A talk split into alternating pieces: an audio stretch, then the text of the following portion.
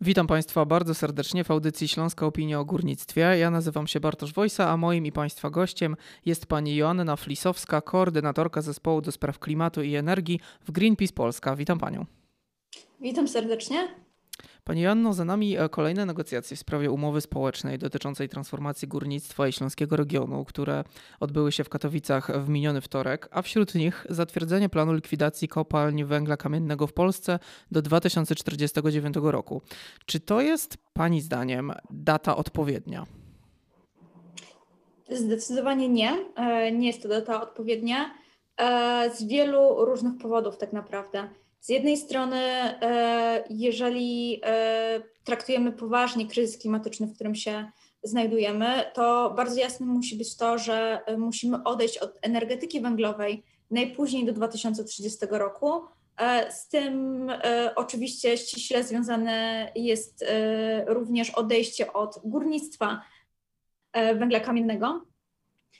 Z drugiej strony, patrząc na uwarunkowania rynkowe na obecną sytuację ekonomiczną, również jasne jest e, to, że ten, to, to wydobywanie węgla w Polsce się nie opłaca e, i nie ma szans na utrzymanie e, górnictwa węgla kopalnego na Śląsku do 2049 roku. Zresztą tutaj pod tym kątem akurat też to jest bez związku z, z gdzieś tam polityką klimatyczną, dlatego że jeżeli spojrzymy sobie na dane na temat e, wydobycia węgla e, w Polsce z ostatnich 30 lat, to widać, że od 30 lat mamy bardzo duży trend spadkowy w tym wydobyciu i jeżeli tylko ten trend byłby kontynuowany w tym samym tempie, co, e, co do tej pory, to, to wydobycie węgla kamiennego w Polsce skończy się już w latach 30. w Polsce. I to niezależnie od polityki klimatycznej, niezależnie od tego, że jednocześnie mamy coraz wyższe ceny CO2, które na pewno będą miały wpływ na e, szybsze e, odchodzenie od energetyki węglowej, więc to tak naprawdę tylko jeszcze bardziej przyspieszy ten proces, który jest w tej chwili no, nieunikniony.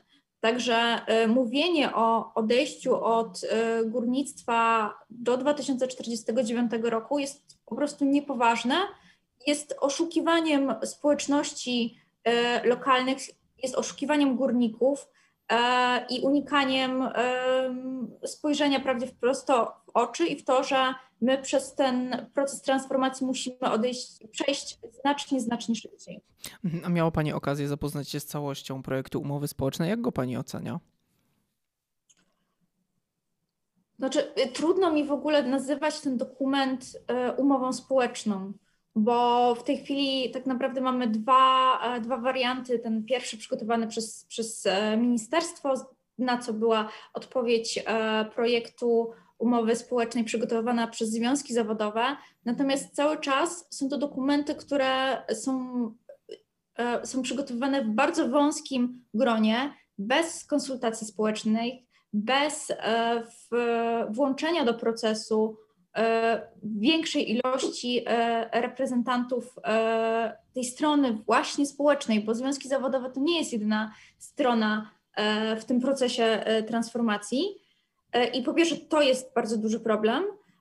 A po drugie, no, w, tych, w tych propozycjach tak naprawdę moim zdaniem najbardziej brak jest właśnie tego aspektu społecznego, czyli tego, żeby zastanowić się, w jaki sposób e, my te miejsca pracy w górnictwie zastąpimy lokalnie e, na Śląsku, w jaki sposób e, my wspomożemy tych, którzy stracą pracę, czy to w kopalniach, czy, czy w sektorach okołogórniczych, w tym, żeby oni znaleźli inną pracę, równie dobrą, czy, czy podobnie dobrą lokalnie, żeby mogli zostać przeszkoleni, żeby otrzymali w tym całym procesie jakieś wsparcie. Natomiast e, te dokumenty e, pomiędzy ministerstwem a związkiem zawodowym tak naprawdę skupiają się tylko i wyłącznie na próbach przedłużenia tego procesu zamykania kopalń, na, na jakichś absurdalnych pomysłach tak zwanych czystych technologii węglowych, które, które są po prostu murzonką i ewentualnie już jako ten, ten czynnik najbardziej prospołeczny na kwestii odpraw. Natomiast, natomiast same odprawy nie są rozwiązaniem z tej sytuacji. Tutaj trzeba programu społecznego tego, żeby faktycznie wspierać lokalne społeczności w tym procesie na całej ścieżce, a nie dać pieniądze i powiedzieć, że to załatwi sprawę, bo wiemy z przeszłości, że to tak niestety nie działa. Pani Jano, umowa społeczna to jedno, ale w czasie, w którym rozmowy mm, w sprawie tego porozumienia jeszcze trwają, Rada Ministrów zatwierdziła dokument o wdzięcznym skrócie PEP 2040, czyli Polityka Energetyczna Polski do 2040 roku. Greenpeace Polska w swoim oświadczeniu dość mocno skrytykował założenia tego dokumentu. Co konkretnie jest w nim nie tak, jak być powinno, Państwa zdaniem? Właściwszym pytaniem byłoby, co w nim e, jest tak, jak być powinno, bo niestety ta lista rzeczy, które tam są po prostu błędne, e, jest raczej długa, e, ale jednocześnie chciałabym zaznaczyć, że cały czas rząd nie miał odwagi jeszcze opublikować całości dokumentu, więc my e, gdzieś tam się tutaj opieramy o streszczenie, które jest dostępne oraz o poprzedni draft, który był opublikowany w listopadzie, a który w stosunku do którego podobno ten finalny plan się nie zmienił. Zresztą główne E, wskaźniki, prognozy na 2030 rok, jeżeli chodzi o e, chociażby produkcję energii z węgla, z OZE, są takie same, więc należałoby zakładać, że, że e, tutaj te główne założenia pozostały te same, bo trochę ciężko byłoby to sobie wyobrazić w ten sposób. No i tak, no i z jedn, no przede wszystkim ten dokument PEP 2040, on dalej jest oderwany od realiów E, w jakich się poruszamy. On dalej nie jest e, odpowiedzią na wyzwanie, jakim jest e, kryzys klimatyczny i po prostu jest zrobiony no, nierzetelnie, bym powiedziała. Tak, bo na przykład jednym z głównych gdzieś tam aspektów w tym dokumencie są prognozy i założenia oparte o przewidywane ceny za emisję dwutlenku węgla, E, I my już teraz wiemy, że w tej chwili, e, w tym roku, te ceny CO2 już przekroczyły e, prognozowany scenariusz wysokich cen z dokumentu PEP 2040 i to przekroczyły je tak bardzo, że według PEP-u takie ceny powinny zostać osiągnięte dopiero za kilka lat.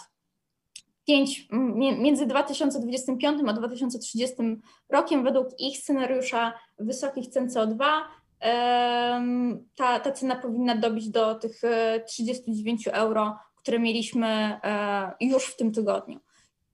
A mhm. bądźmy szczerzy, e, ta cena dwutlenku węgla to będzie jeden z kluczowych czynników wpływających na tempo odchodzenia do energetyki węglowej, bo to się bezpośrednio e, przekłada na e, opłacalność utrzymywania naszych elektrowni węglowych. I to jasno wskazuje, że my z tym węglem naprawdę będziemy się musieli pożegnać około 2030 roku, jeżeli nie chcemy płacić kilkukrotnie wyższych cen za energię niż, niż osoby z krajów sąsiednich. Mm, pani Anno, nawiązując mm, trochę do tego, o czym Pani mówi, e, lawirując trochę mm, między umową społeczną a dokumentem PEP, e chciałem zapytać Pani zdanie w kwestii zależności, jakie mają mieć między sobą te dwa porozumienia. We wtorek strona rządowa obiecała związkowcom, że to umowa społeczna będzie wiążąca dla rządu, bo PEP jest dokumentem otwartym. Ktoś mógłby powiedzieć to dobry sygnał, bo oznacza możliwość wprowadzenia zmian. Z drugiej jednak strony, e, po co w takim razie były ustalenia dotyczące PEP, skoro umowa społeczna może je zmienić? Czy pani również tę sprzeczność zauważa? Znaczy tutaj jest e, bardzo duża sprzeczność. To znaczy, e, po pierwsze, jakby na tym etapie PEP, a obietnice dawane górnikom to są trzy różne konwersacje tak naprawdę. Mhm. I tutaj już nawet PEP jest trochę bardziej um, realny czy, czy ambitny niż, niż to, co jest przedstawiane górnikom. I to jest jedna bardzo ważna kwestia. E, druga kwestia, że, że samo oczekiwanie tego, żeby polska strategia energetyczna, polski miks energetyczny był dyktowany potrzebą e, utrzymywania kopalń otwartych, to jest jakiś absurdalny pomysł. To jest całkowicie błędna logika, bo po co my mamy te kopalnie? Po to, żeby dostarczać węgiel na potrzeby energetyki, a nie po to będziemy utrzymywać energetykę węglową, żeby tworzyć sztuczne zapotrzebowanie na, na węgiel, już abstrahując od tego, że tak jak w wielu innych krajach e, europejskich, tak naprawdę, jeżeli chcemy utrzymać jeszcze trochę dłużej e, elektrownie węglowe e, na tym poziomie opłacalnym, to de facto import węgla się bardziej opłaca niż, niż kupowanie tego rodzimego węgla. Natomiast no tak naprawdę tutaj w ogóle nie o to chodzi, tylko powinniśmy się skupić na realnym, szybkim odchodzeniem od energetyki węglowej zgodnie z tempem, jaki jest konieczne ze względu na, na kryzys klimatyczny, czyli do 2030 roku. Mhm. Dużo mówi się mm, w ostatnim czasie mm, również o trudnej sytuacji w branży górniczej. Jastrzębska Spółka Węglowa zakończyła 2020 rok z ponad miliardem e, złotych strat. Polska Grupa Górnicza z około dwoma miliardami złotych strat. Związkowcy PGG mówią nawet o możliwym bankructwie spółki, jeśli rząd nie zdecyduje się wspomóc jej finansowo. Wpływ na ich kondycję miała oczywiście pandemia koronawirusa, ale nie tylko. Mm, z jednej strony aktywiści mówią, ekologiczni aktywiści, że nie możemy dalej inwestować w kopalnie, że z tego węgla trzeba zrezygnować, a z drugiej spółki na skraju upadłości czy bankructwa mogą też oznaczać utratę wielu miejsc pracy, też nagłą utratę tych miejsc pracy. Czy to nie jest sytuacja patowa? Co w takiej sytuacji zrobić?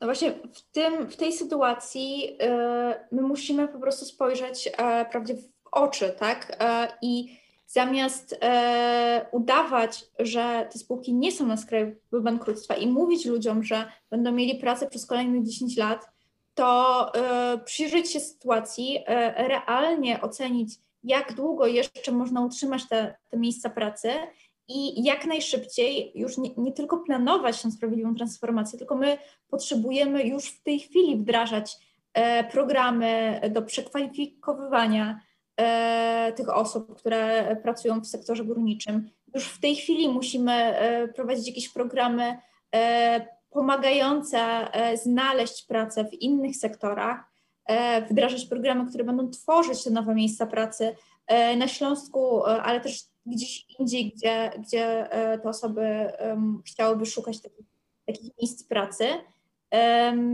Natomiast e, niestety ze strony rządowej cały czas mamy taką sytuację, że udajemy, że nic się nie dzieje, że jak e, zasłonimy oczy, e, to te problemy znikną.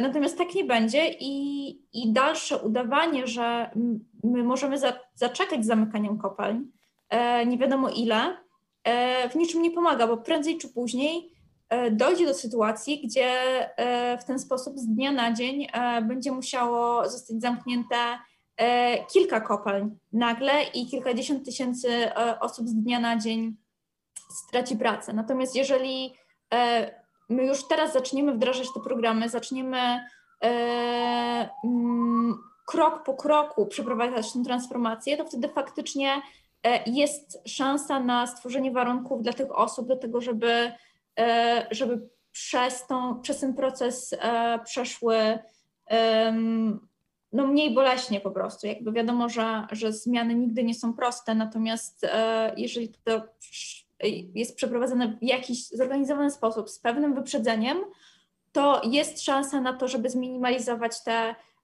trudności. Natomiast dalsze, dalsze unikanie tej dyskusji i dalsze y, okłamywanie społeczeństwa na temat tego, że możemy jeszcze wyjść z tego kryzysu w sektorze górniczym, y, nikomu nie pomaga. Mhm. Tych problemów w branży górniczej ostatnimi czasy trochę się nagromadziło. Jednym z wątków y, powiązanych z trudną sytuacją Polskiej Grupy Górniczej akurat jest między innymi zerwanie umów na dostawę węgla. Mm, co ten sygnał ze strony spółek energetycznych oznacza? No, y, ja myślę, że ze strony spółek e, energetycznych też e, już od dawna mamy jasne sygnały co do tego, że one chcą odchodzić od energetyki węglowej, że one widzą, że dalsze utrzymywanie elektrowni węglowych po prostu przestaje im się opłacać i e, z jednej strony mają mniejsze zapotrzebowanie na, na węgiel, bo bo spada im produkcja energetyki węglowej, spada ilość godzin, które elektrownie przepracowywują. E, w tym tygodniu pojawiły się nowe dane, e, które pokazują, że w 2020 roku e, ta produkcja energii z węgla spadła nam już do 69%. I to jest całkiem spory spadek na przestrzeni ostatnich lat, a, a to tempo będzie tylko przyspieszać. E, a z drugiej strony, no to też jest kwestia właśnie tego, że spółki energetyczne ze względu na to, jak bardzo wciąż e, są uzależnione od tej energetyki węglowej, jak dużo ich portfolia jest właśnie w takich aktywach, one również są teraz e, na skraju kryzysu. Tak, i one sobie muszą radzić, muszą szukać najtańszego węgla, niekoniecznie rodzimego. Mhm. I to też jest walka o przetrwanie z ich strony.